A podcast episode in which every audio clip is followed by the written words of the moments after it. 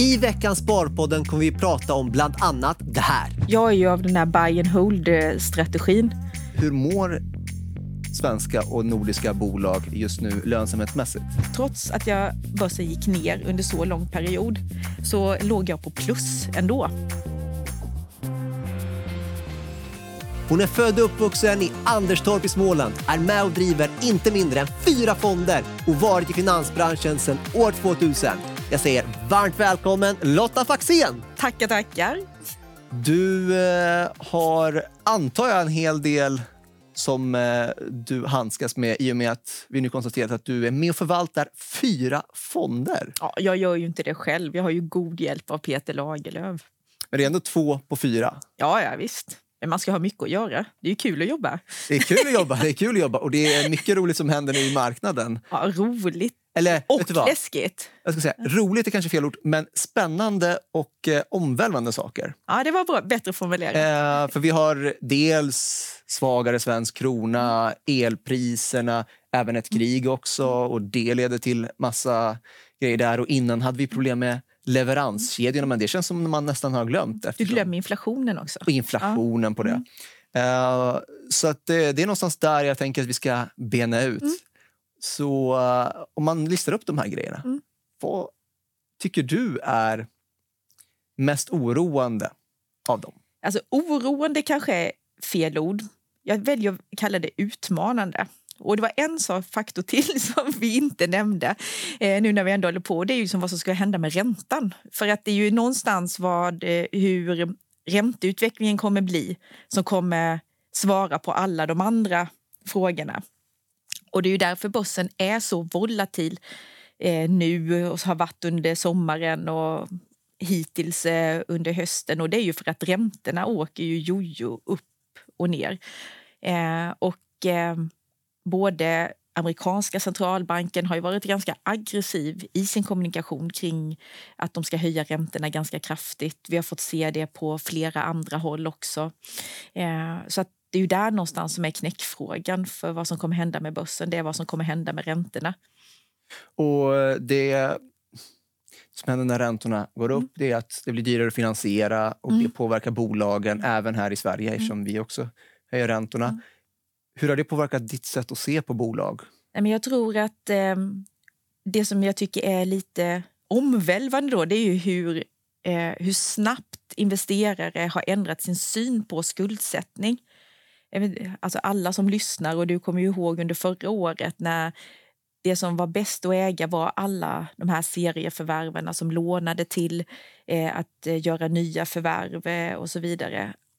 Många av dem har ju haft det jättetufft i år just beroende på att de behöver låna för att kunna göra eh, de här förvärven. Så det har ju ändrats, eh, alltså, det har ändrats i en handvändning synen på den typen av bolag. Eh, men sedan blir det väl mer att man kollar ganska mycket på bolagens skuldsättning. Eh, men det gör ju vi ju alltid å andra sidan. Men det som jag tycker man själv kollar mest på nu det är ju hur bolagen kan komma att tackla den framtid vi står inför. Eh, och det som är den stora skillnaden nu mellan eh, finanskrisen det är ju att verkstadsbolagen är ju en helt annan finansiell ställning än vad de var nu.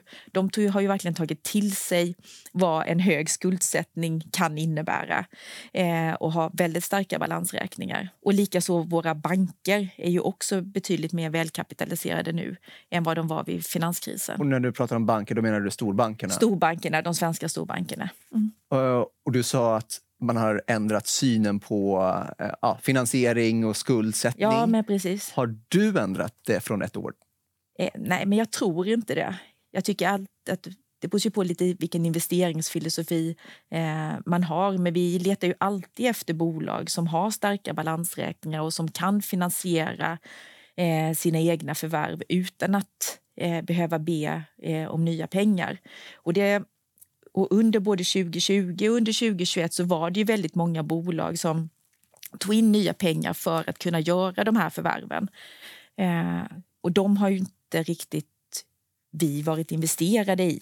Eh, jag tror inte det gick en eh, kväll efter börsens stängning under förra året utan att man fick något samtal för det var något bolag som skulle ta in nya pengar för att de skulle eh, finansiera sina kommande förvärv. Men nu är det ju helt dödstyst eh, på den fronten. Och det, men det utan att nämna några bolag. Ja, utan att nämna några bolag. Eh, men det märks att eh, saker och ting har ändrats. Mm. Och, eh, förra veckan hade vi Ulf Hedlund, vd för mm. Svolder. Och vi pratade lite grann om att man börjat komma tillbaka till amen, känt territorium. För det mm. var ett tag där det kändes som vilket techbolag som helst som bara hade tillväxt oavsett förlusterna mm. liksom, gick bra på börsen. Känner du också, i och med att du har varit här i finansbranschen sedan 2000, att man börjar känna igen sig mer? Jo, men faktiskt. Eh, man får ju ofta så frågan, men den här krisen som vi är inne i nu, vad påminner den dig om tidigare? Eh, och eh, till viss del så påminner det här lite om eh, it-kraschen it-kraschen som kom 2000. Eh, för då var det ju väldigt många bolag som kom till börsen som inte tjänade pengar, som var i behov av finansiering. Eh, och när pengarna tog slut så försvann ju många eh, av de här bolagen. Eh, och under de här senaste två åren så har det kommit väldigt många bolag till börsen som inte tjänar pengar, som är i behov av eh, finansiering eh, eh, fortsatt. Eh, och där har man faktiskt nu börjat se att man börjar lätta på personalstyrkan för att ja, kanske klara sig nu när vi investerare inte finns där och putta in hur mycket pengar som helst. Men kunde du känna någon frustration under den tiden? Att det är liksom, eh, man tycker att men det här är ju galet, att man inte fokuserar på lönsamhet på något sätt. Att det bara liksom är förlustdrivande, men det bara kommer in nytt kapital. Ja, men absolut. Jag kan ju tycka att det är lite Alltså det blev för stressat i hela systemet. Eh, det, var mång, det kom väldigt många bolag till börsen och till en början så gick ju alla bolag jättebra när, vid börsnoteringarna. Eh, men sen tror jag någonstans att marknaden, och jag tror att man tecknade sig i princip vad som helst bara för att man inte ville missa eh, uppgången som kom. Men vi har ju varit ganska restriktiva under den här perioden och bara investerat i bolag som vi eh, faktiskt tror på och som vi, vi vill vara ägare under lång tid framöver. Och kunde det inte då innebära att ni, ja, men när ni var restriktiva, att ni missade? Jo, en... gud ja. Absolut. Det gjorde vi ju. Och eh, ibland så fick man ju...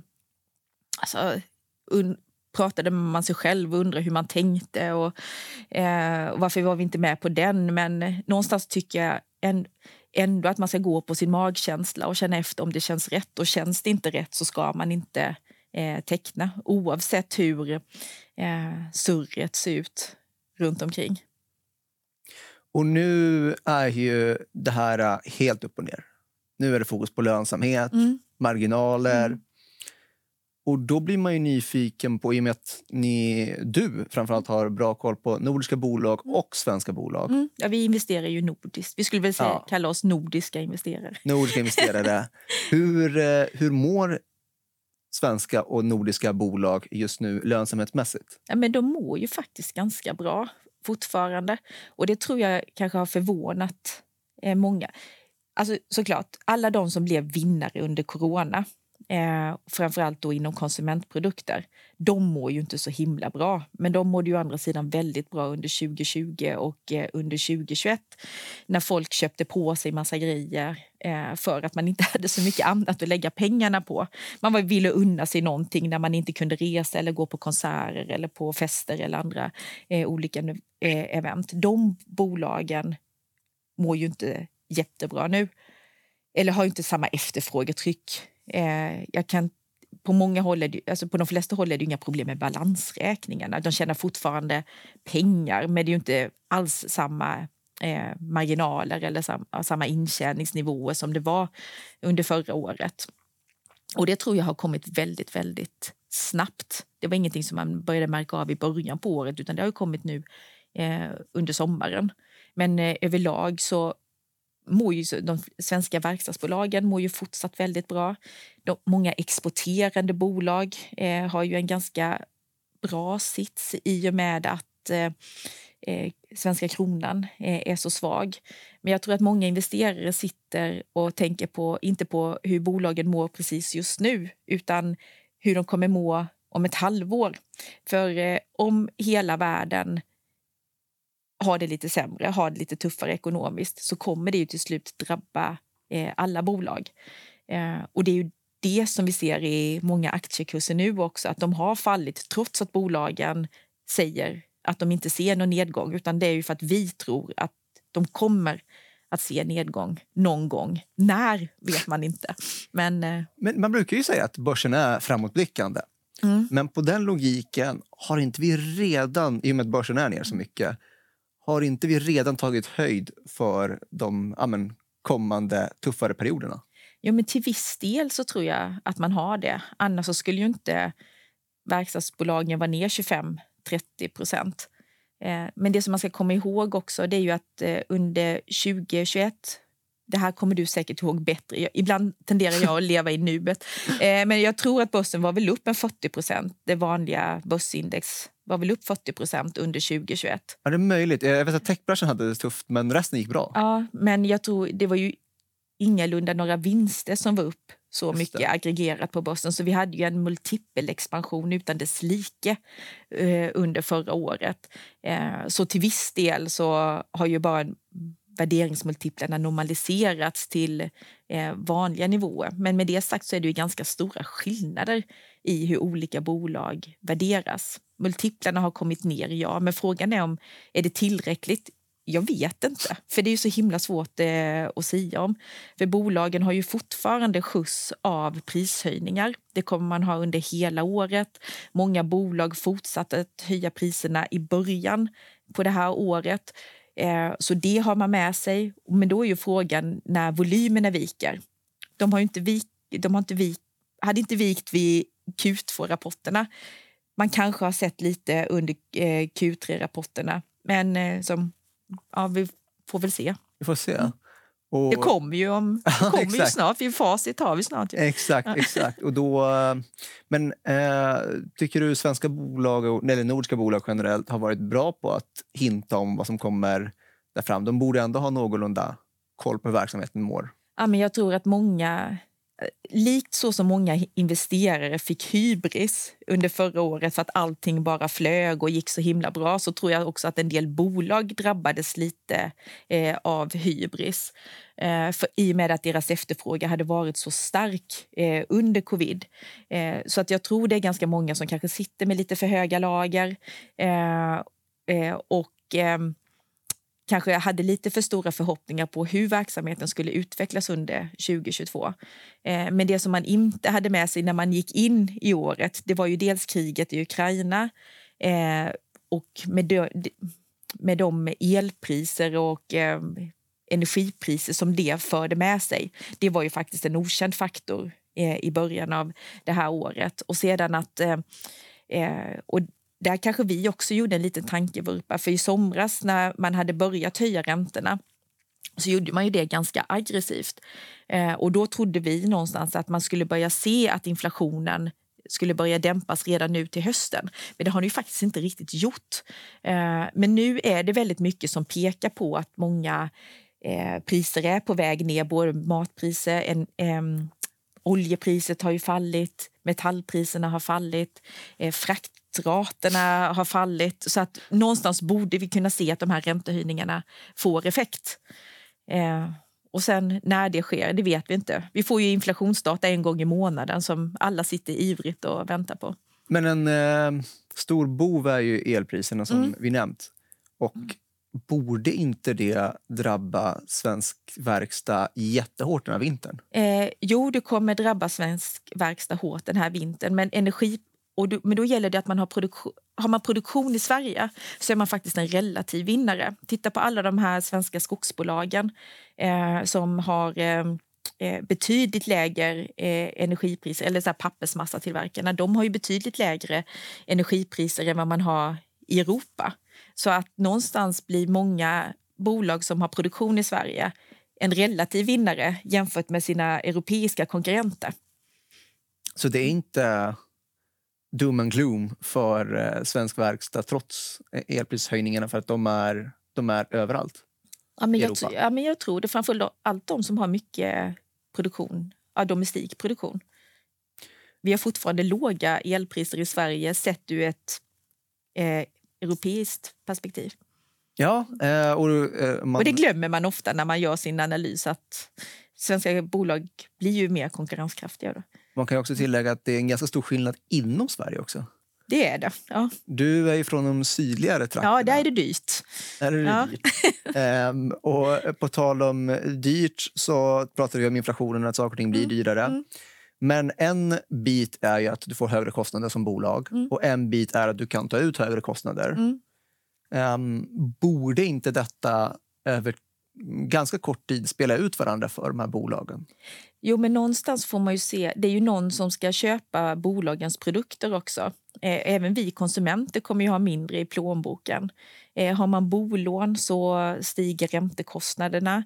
Eh, hyresförhandlingarna börjar ju nu och där indikerar ju en del hyresvärdar 10-procentiga hyreshöjningar.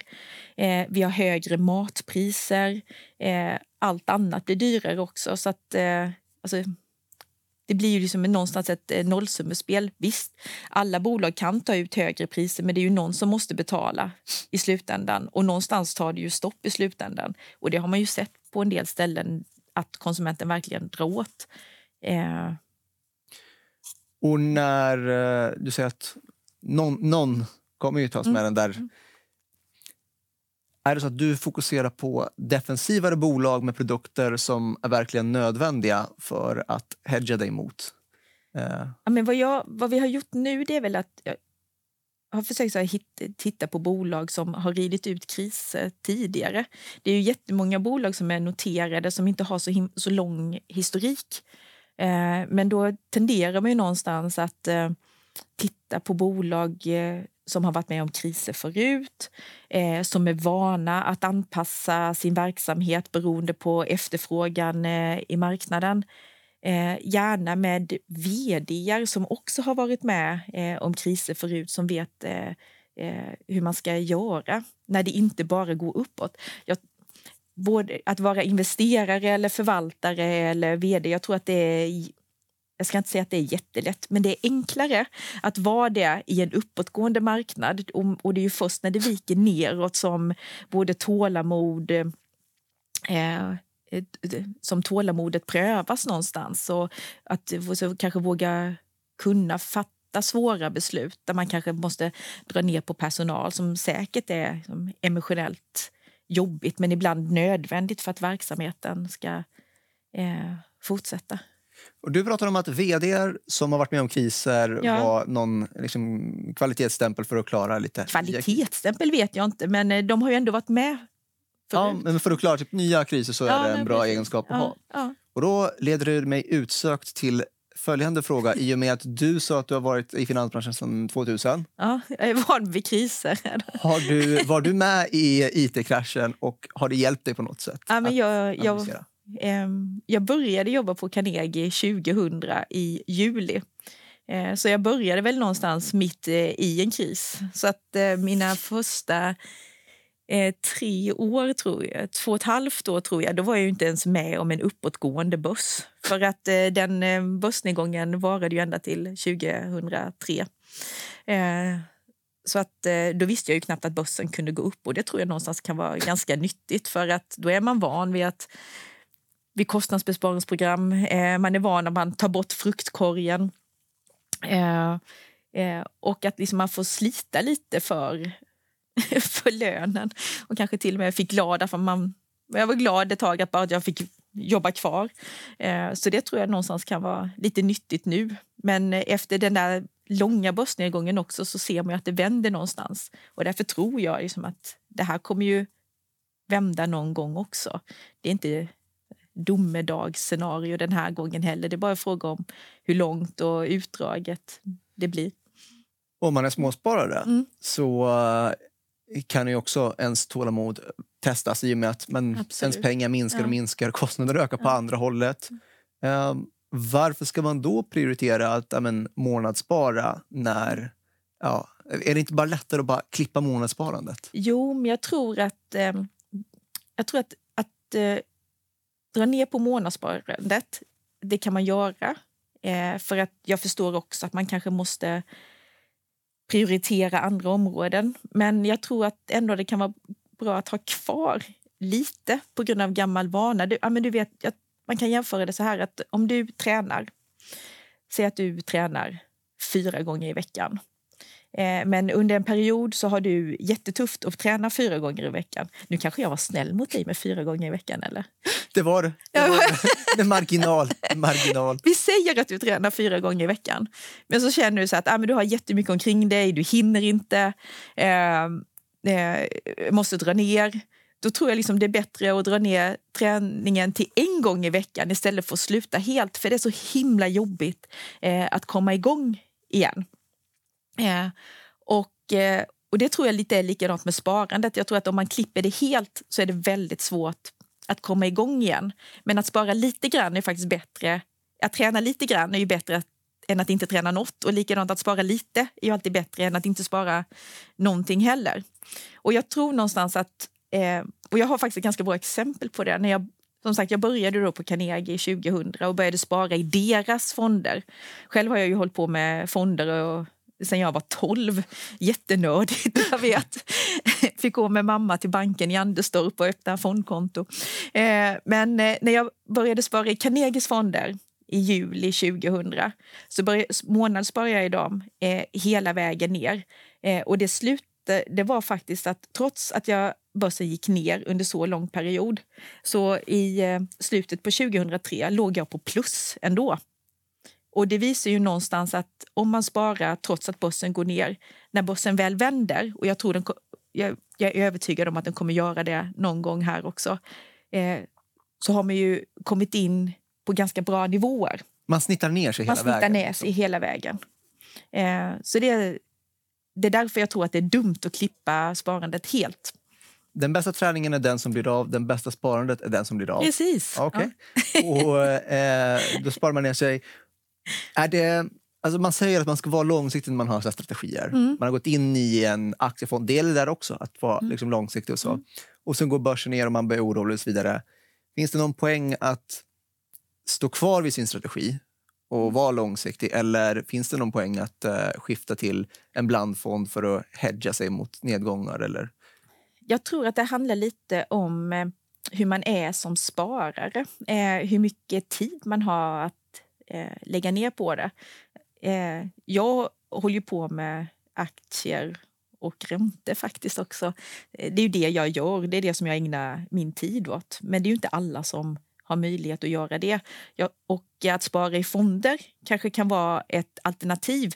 För då behöver man inte hålla, då är det ju faktiskt någon annan som håller koll på aktierna åt en. Eh, och då tror jag att man kan lägga undan då tror jag man kan ägna sin tid åt lite annat om man sparar i fonder. Eh, om man bara väljer att hålla på med aktier, då tror jag att man måste hålla betydligt mer koll själv och vara betydligt mer aktiv. Eh, om man inte bara vill lägga det åt sidan eh, och glömma. Men det är ju ganska många unga som har börjat hålla på med aktier nu eh, under covid. Eh, det är ganska många och eh, man kan, och nu när världen har öppnat upp igen så kanske det är annat som lockar istället för att sitta framför skärmen och kolla på börsen hela dagarna. Eh, så då kanske fonder kan vara ett alternativ eller ett komplement till det man till det aktier. Eh, jag upplever ju när jag hjälper mina vänner att spara att de har bättre avkastning än mig trots att de tar mina tips. Och Det beror på att de är så oerhört ointresserade mm. av att gå in och kolla medan jag ja. håller på och pillar. Ja, sluta pilla. Kan det vara en, så här, eh, kan det vara en superkraft att uh, vara ointresserad av börsen men ha ett spar, smart sparande men sen bara liksom aldrig orka kolla? Uh, jag är ju av den här buy and hold-strategin. Uh, och det betyder att jag köper och sen så glömmer jag bort det. Så jag håller ju inte på att handla aktier eller själv och i de fonder jag sparar, det är mina egna för då kan jag bara bli arg på mig själv om, eh, om det går dåligt. Eh, men eh, de som är... Det är ju ganska, tiden är ju faktiskt ens bästa kompis eh, när det gäller aktier och börsen. Eh, så att, eh, och har man då tiden med sig eh, och om man kollar på en kursgraf de senaste 40 åren så är ju aktier ett ganska bra ställe att vara på. Så att om man hade köpt aktier för 40 år sedan och sen bara glömt av dem så har man ju fått ganska bra avkastning. Eh, men med det sagt så finns ju faktiskt bolag som har gått i konkurs eh, under de här åren som har utvecklats ganska dåligt eh, och som kanske inte ens finns kvar längre. Och då kan det ju vara att de har drabbats av olika teknikskiften som har varit jobbiga för dem. Ett exempel på det är ju Eniro. Alltså, jag vet inte, du är säkert för ung för att ha suttit och alltså, jag har ju sett dem. Jag har sett du har fattar, sett telefonkatalogen. inte hur de så här, för det fanns en karta eller någonting i. Jag, ja, jag det fanns allt möjligt. Jag är ju uppvuxen med telefonkataloger, men det är ju någonting som inte finns ja. längre. Eh, och då måste, och drabbas ett bolag av såna stora teknikskiften, då kan det ju bli ganska jobbigt för, för dem. Men det, alltså att uh, man investerar i någon enskild aktie och så, mm. ja, men då blir det ju svårt om man är liksom all in en aktie. Mm. Då sitter man på ganska stor risk att tittar man inte på 40 år kan saker och ting ha hänt där. Mm. Men en, alltså en fond borde väl ändå vara... Du är så diversifierad, det är någon annan som sköter det. Ja, men det borde väl vara lugnt att ha i byrålådan? Ja, eh, jag tror ju det. Det är därför jag jobbar med det. Ja. Senare i Sparpodden. Nu när det är oroliga tider, att det kan vara bra ingångsläge. Ja, men absolut. Det tror jag verkligen. Så jag tror någonstans att den här omställningen kommer gå lite snabbare nu än vad man hade tänkt eh, från början. Vi pratade om eh, men, ha saker buy and hold. Mm. Det kan vara en vinnarstrategi i längden. Ja. Och eh, om man eh, har buy and hold mm. så kan man också snitta ner sig. Vi pratar mm. om månadssparande.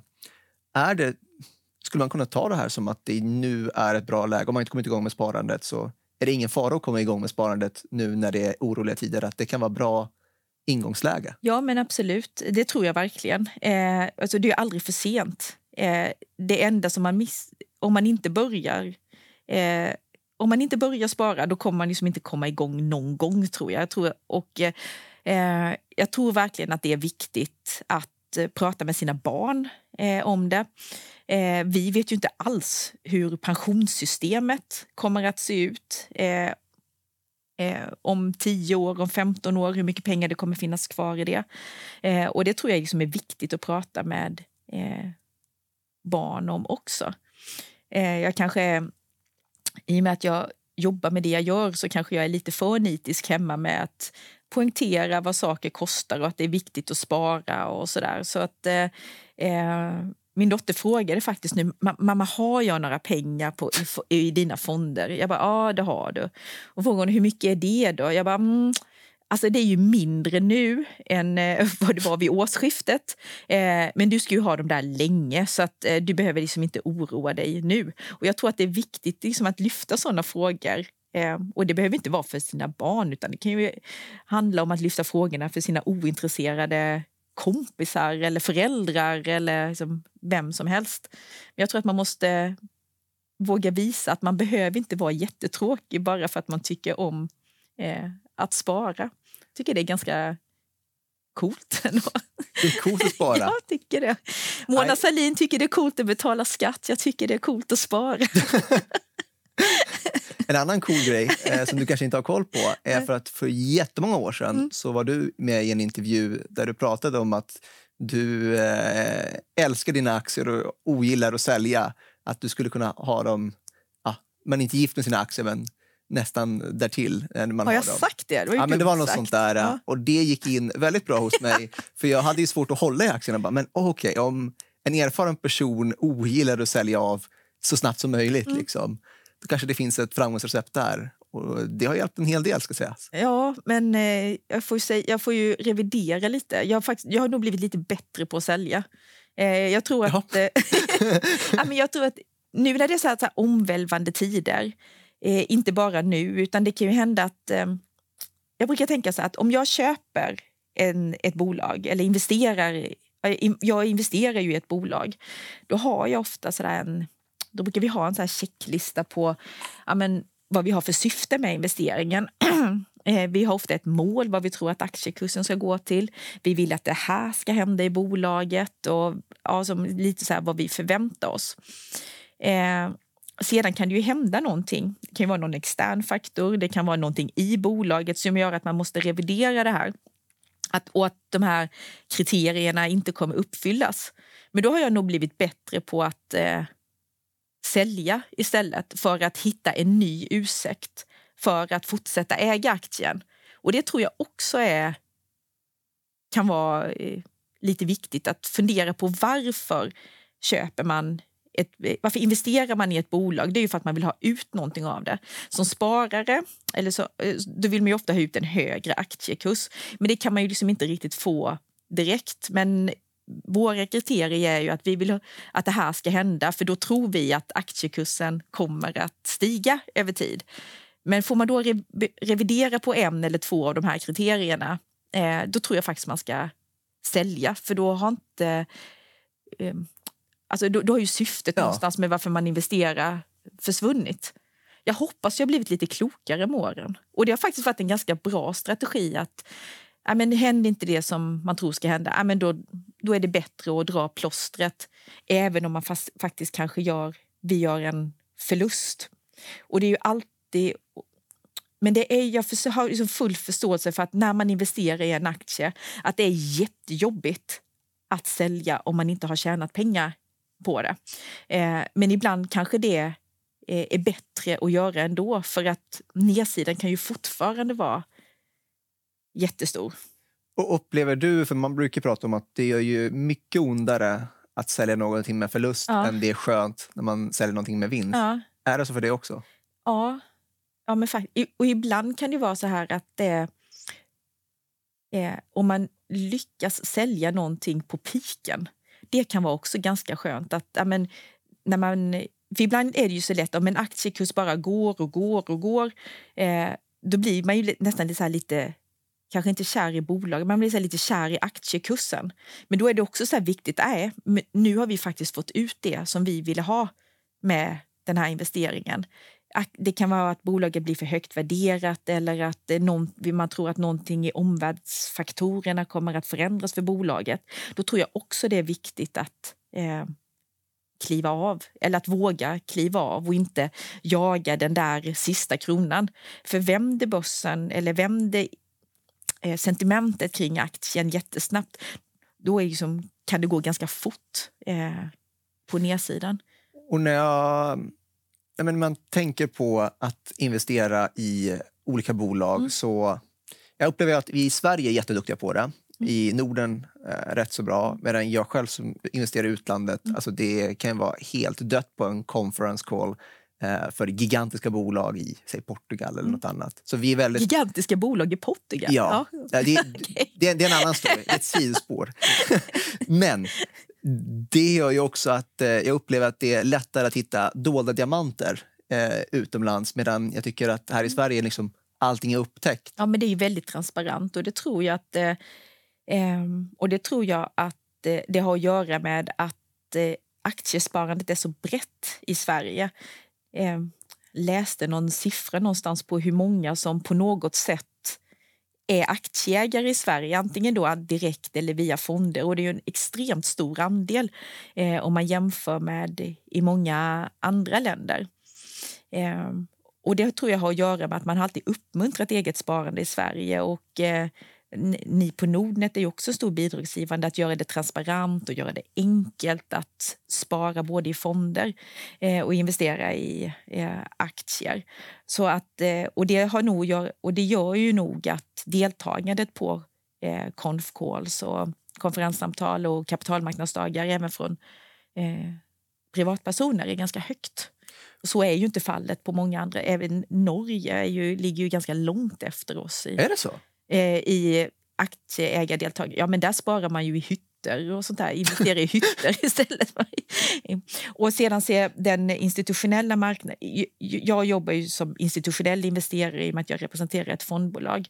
Men i Norge är det ju inte så mycket institutioner som är verksamma utan där är det mycket family offices med så rika privatpersoner som har startat um, kanske inte fondverksamhet, men som gör direktinvesteringar. Så att eh, den, den marknaden ser också ganska annorlunda ut eh, i Norge. Och i Danmark är det väldigt mycket stiftelser istället. Mm. Och på tal om lite geografi så en, jag är en stockholmare, född och uppväxt här och känner någon form av stolthet över innovationsandan. Mm. För vi är väldigt många som bor här. Mm. Och därför blir jag ju kopiöst irriterad när man får höra om hur fantastiskt Gnosjöanden är och hur Ja. fantastiskt Småland är. Så en gång för alla vill jag ju bena ut vad sjutton är det som gör att ni i Småland är så entreprenöriella? Men det är dricksvattnet. Nej, jag vet inte. Nej, men jag vet inte. Men jag tror att man har en... eh, Alltså jag bor ju inte i Småland längre, men jag är uppvuxen där och har ju jobbat, så här, sommarjobbat på företag som finns där. Och det som eh, jag har märkt, som jag märkte när jag jobbade, och det är ju att det finns en... Eh, även om man är konkurrenter så är man ändå kompisar eh, och hjälper varandra. Så man... Eh, man har alltid så här pushat varandra att göra bättre. Och, eh, ägarna har varit med i verksamheten och drivit den och varit som vilken medarbetare eh, som helst. Och jag tror att eh, eh, ja, men det finns så mycket hjärta där nere. Så man hjälper varandra eh, mer, alltså är konkurrenter sinsemellan, men för att konkurrera bättre utåt. Ja, men precis. Och jag tror att man är lite lokalpatriotisk när, man, när det gäller olika beställningar. Att istället för att eh, göra en beställning från något företag i Göteborg så anlitar man sin eh, verk, eh, granne som eh, jobbar i, i grannbyn istället. Så att man eh, sourcar lokalt, vilket gör att alla bolag någonstans blir eh, ganska framgångsrika. Och det undrar jag om... Tror du att du hade varit radikalt annorlunda ifall du till exempel hade varit född och uppvuxen säg, i eh, Stockholm, eller Gävle eller Göteborg jämfört med Småland? Är det, en, är det en så stor skillnad om du jämför med din egen dotters uppväxt? Gud, jag, jag, har ju, jag har ju inte jag, ja, men jag tror det. Jag vet. Sen är det svårt att veta vad som är arv och vad som är kultur och, och sånt. Men jag har ju alltid fått eh, indoktrinerat sen barnsben. Nej, men man måste jobba, man får ingenting gratis. Eh, man måste klara sig själv. Eh, sen vet inte jag om det är en generationsfråga eller inte. För jag tror ja, barn är väl liksom lite mer curlade idag än vad de var på eh, 80-talet. Eh, men eh, jag känner att eh, eh, man har väl fått en an, eh, någon anda med sig att man inte ska ge upp så himla lätt. Och liksom att bita ihop och kämpa vidare istället för att ge upp. Och på tal om Småland, när vi ändå eh, är där så eh, har ju det här netto lett till att alltså det finns ju fonder som investerar i bara Småland. Ja. Alltså det är ju så många bolag som eh, kommer därifrån. Ehm, är det någonting... Eh, när du eh, kikar på bolag här i Norden, har det varit många små, småländska bolag som du har hittat? Eh, ja, eh, men vi har ju Nibe. Den ligger ju nästan på gränsen till Skåne, men det är fortfarande Småland. Eh, som vi har investerat i, som vi har ägt jättelänge. Eh, Äger ni fortfarande? ja, det gör vi. Eh, och eh, vad finns det mer? Det finns ju ja, Garo som tillverkar elladdstolpar som är från Gnosjö. Ja, vi pratade om dem förra veckan Mm. med Svolder Mm. som eh, har varit inne där länge. Mm. Nibe pratar om. Mm. De har ju det är såna typiskt såna bolag som eh, har gått otroligt bra. Mm. Alltså kursmässigt speciellt och så. Eh, men ta dem som ett exempel Mm. då. Vad, för de har ju gått väldigt starkt. De aktierna som går starkt, Mm. är det de man ska hålla nu i tuffare tider eller är det de du hellre vill sälja och investera i det som har gått sämre? Men jag tycker mer man ska kolla på bolagens verksamhet istället för att försöka göra någon teknisk analys på vad man ska köpa och sälja. Men eh, Nibe är ju lite i en sweet spot nu eh, när, vi in, när fler och fler länder inser att man kanske behöver ställa om sin eh, energikonsumtion. Eh, och eh, Nibe tillverkar ju jättemånga produkter, deras värmepumpar som drar ner energiförbrukningen. Och det är ju många länder, bland annat Storbritannien och Polen och Tyskland som eh, kommer med subventioner på den typen av eh, produkter. Eh, så att vi äger ju dem för att ja, men dels är det ju ett jättebra företag. Eh, vd som, han har väl varit vd sen ja, 90-talet. Sen På tal om att klara 90-talet. kriser. På tal om att klara kriser, var med om både uppgång eh, och nedgång. Eh, Så det är väl av eh, den anledningen som vi äger det snarare än att... Men sen har jag all full förståelse för att det är många som tycker att det är för högt värderat och, eh, och att det någon gång måste efterfrågan måste vända och det kommer det säkert göra. Men jag tror inte det är, är nu. Och nu när det är lite när det blåser lite ja, lite vindar, lite negativa vindar så kanske man ska ändå titta på vilka bolag som man tror ändå kommer ha en stark efterfrågan trots att vi får det eh, sämre ställt ekonomiskt. Um, vi var lite inne på Norge, mm. men uh, där uh, så har det varit dels stöket på laxaktier. Oh. Dels så har ju den börsen klarat sig någorlunda bra jämfört oh. Sverige i och med att det är mer energi där. Och så. Ja, men precis. Um, hur ser du på den norska marknaden? Eh, norska marknaden är ju väldigt, eh, jag ska inte säga knepig, men den är ju väldigt, väldigt, än mer sektorindelad än vad vi vi, jag kommer, När jag började jobba så brukade man skoja om man, vad man kan investera i Sverige. Då, är, då var det 25 procent av börsen var verkstadsaktier. 25 procent av börsen var banker, 10 procent var Ericsson och 10 procent var Hennes och Maurits. Det var ungefär så som eh, börsen såg eh, ut då. Men så ser det ju inte riktigt längre ut i Sverige utan det är betydligt mer diversifierat.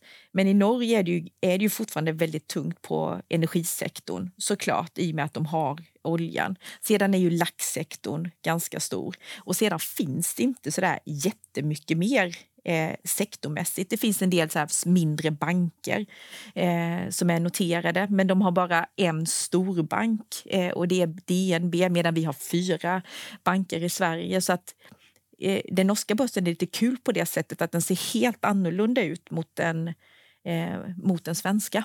Mm. Eh, och om vi går till vårt grannland Danmark. Mm. Eh, där har jag haft en eh, fördom om att det är Novo Nordisk plus resten. ja. ja. Novo Nordisk är ju Nordens största bolag. Så att, eh, det är ju helt rätt. Men de, har, de är ju ganska så här, läkemedelstunga också. Det finns ju många andra alltså även bolag, utöver ja, många an, an, Flera andra bolag inom healthcare-sektorn som Koloplast och Novozymes och sånt som man inte riktigt fattar vad de eh, gör, men de finns där. Men eh, den danska börsen har ju alltid varit ganska mycket högre värderad eh, än den svenska eh, på grund av att många av så här hälsovårdsaktier har haft väldigt höga eh, multiplar. Så jag tror att det är därför som man inte riktigt har tittat på eh, Danmark på grund eh, av det. Det finns ju även ett så här, allergi, eh, ett bolag som tillverkar allergimedicin som heter Alcabello som finns eh, i Danmark. Så att de är mer hälsovårdstunga än vad de andra eh, bussen börserna är. Så att det är det som jag tycker är lite kul med Norden. Att om man tittar på Sverige så har vi all, man känner till de svenska bolagen så himla bra. Eh, medan norska börsen ser där kan man verkligen hitta bolag som inte finns eh, i Sverige. I Danmark har vi ju då Novo Nordisk och det andra, men då kan det, det andra även vara sakförsäkringsbolag som vi inte alls är vana vid i Sverige. Eh, och sedan Finland är väl den börs som är mest lik den svenska, men där har vi så mycket så här stora Enso, UPM, så här stora eh, energi eh, inte energitunga bolag, men så inom utilities och, eh, som Fortum och sånt som vi inte har i Sverige. Så att jag tycker de nordiska börserna kompletterar varandra eh, väldigt bra. Och det är kul att kunna välja mellan så många olika typer av bolag. Man får ju en mm. ganska salig blandning. Eh, och då leder det mig utsikt på... Men Finland var du inne på lite grann. Mm. Um, de är väl geografiskt närmast Ryssland, så om det finns någon mm. politisk risk bland utländska investerare mm. framförallt, om, uh, så är det kanske Finland lite tuffare. Uh, hur har du märkt av att marknaden har gått i Finland i år? Ja, du. Uh, jag tror att när kriget bröt ut så tror jag att många, framförallt amerikanska investerare eh, som kanske inte alltid har så bra koll på eh, hur det funkar i Europa. De tog fram en Europakarta och så såg de, okej, okay, här är Ryssland. Var ligger närmast Ryssland? Äh, ja, okej, okay, Finland, vi säljer av allt i Finland. Och sedan, eh, ju längre bort eh, en börs har varit från Ryssland, desto bättre har man eh, klarat sig, om jag raljerar lite. Ja. Men med det sagt så är det ju såklart att många finska bolag har en del, ganska stora kopplingar till Ryssland givet hur geografierna, geografierna eh, ser ut. Och en del detaljhandelsbolag har också verksamhet eh, i Ryssland och det vet man ju inte riktigt. Många, de flesta bolag som vi har investerat i de har ju sagt att de drar sig ur Ryssland och det har kostat ganska mycket pengar. Eh, men det får det göra. Eh, och frågan är sen vad de finska bolagens nästa expansionsriktning eh, är då om man vill fortsätta investera utomlands eller om man kommer bli eh, mer domestika. Och vi är inte många invånare i Sverige, men det är ju ännu färre i Finland. Så frågan är liksom, kommer de gå mer åt Baltikum eller kommer de börja investera i Sverige istället om man vill expandera? Men kan inte såna här sell-off, breda sell-off på lite vaga grunder också vara en eh, god möjlighet för framförallt er som har koll på de här bolagen att se att ja, men, det här är en möjlighet för oss att komma in? Jo, men absolut. Och vi, vi gjorde ju så. Jag förvaltar ju blandfonder också där vi kan växla mellan aktier eh, och eh, räntor. Och precis när kriget bröt ut, ja, men liksom, det kan låta cyniskt men börserna föll mycket. Men då passade vi faktiskt på att köpa en del för vi kände att eh, det kommer säkert liksom stabilisera sig, det kommer eh, lugna ner sig. Men såna här, oro är ju det värsta som aktiemarknaden vet. Eh, men, och sedan hämtade ju sig börserna ganska bra efter det där. Eh, men, ehm, och jag tror att det var många som tänkte så att men det kommer väl bli som i corona, att det blir en jättestor dipp och sen kommer det tillbaka och sen kommer det fortsätta. Men det här kriget har ju förändrat bilden lite givet eh, energibehovet som Europa har eh, från Ryssland. Och det har ju fått andra konsekvenser eh, geopolitiskt än vad covid fick. Mm. Och som eh, avslutande fråga, för du nämnde ju att men, eh, elpriset har ju ändrat kartan mm. lite grann. Men nu var det väl jättelåga elpriser? Ja, just nu så var det, det blåste en hel del. Så ja, men precis. Vi får hoppas på att vindkraftverken jobbar. Ja, hela vintern liksom, ja. så att det, vi får det billigt där. Uh, och det, det, det jag kom att tänka på var att när sånt här händer så kan det uppstå andra typer av möjligheter. Vad vet jag? Något mm. bolag som producerar el eller mm. ett NIBE som minskar elförbrukningen och så vidare. Har det varit så att när det här hände, har ni börjat leta efter andra typer av aktiecase som ni inte hade gjort för ett halvår sedan tack vare de här förändringarna? Nej, men jag förvaltar ju två fonder med hållbar inriktning också. Eh, och där har vi ju, där är ju så förny, förnybar energi ett tema eh, i de fonderna. Eh, så att vi var ju investerade i dem eh, under hela 2019, nej 2020 när de typen av aktier gick jättebra. Vi var investerade i dem under hela 2021 när den typen av aktier gick jättedåligt. Eh, men nu har man ju ändå någonstans sett att nu är ju faktiskt det här på riktigt. Vi kommer behöva förnybar energi i Europa och jag tror någonstans, givet vad som händer i Ryssland, så inser man att man kanske inte vill, Europa har ju insett att man vill ju inte vara beroende eh, av rysk gas eh, och rysk olja. Så jag tror någonstans att den här omställningen kommer gå lite snabbare nu än vad man hade tänkt eh, från början. Och omställningen till förnybar energi måste ske om vi ska klara de klimatmål som man har satt upp i EU och eh, globalt. Och när du säger förnybart, är det till exempel... Väst... Sol, vind och vatten. Ja, Vestas med sina vindsnurror. Och... Det, det, det, kan vara ett bolag som Vestas. Just det är inte vi investerade Nej. i. Eh, men det kan vara bolag som bygger eh, eh solkraftsparker, vindkraftsparker både eh, till havs och eh, till lands. Ja, mycket intressant. Eh, stort tack för hela genomgången, från Småland till alla Nordens länder. Stort tack för att du är med oss. Och eh, det var det från Sparpodden denna vecka. Vi är ju tillbaka nästa vecka. Missa inte oss då. På återseende.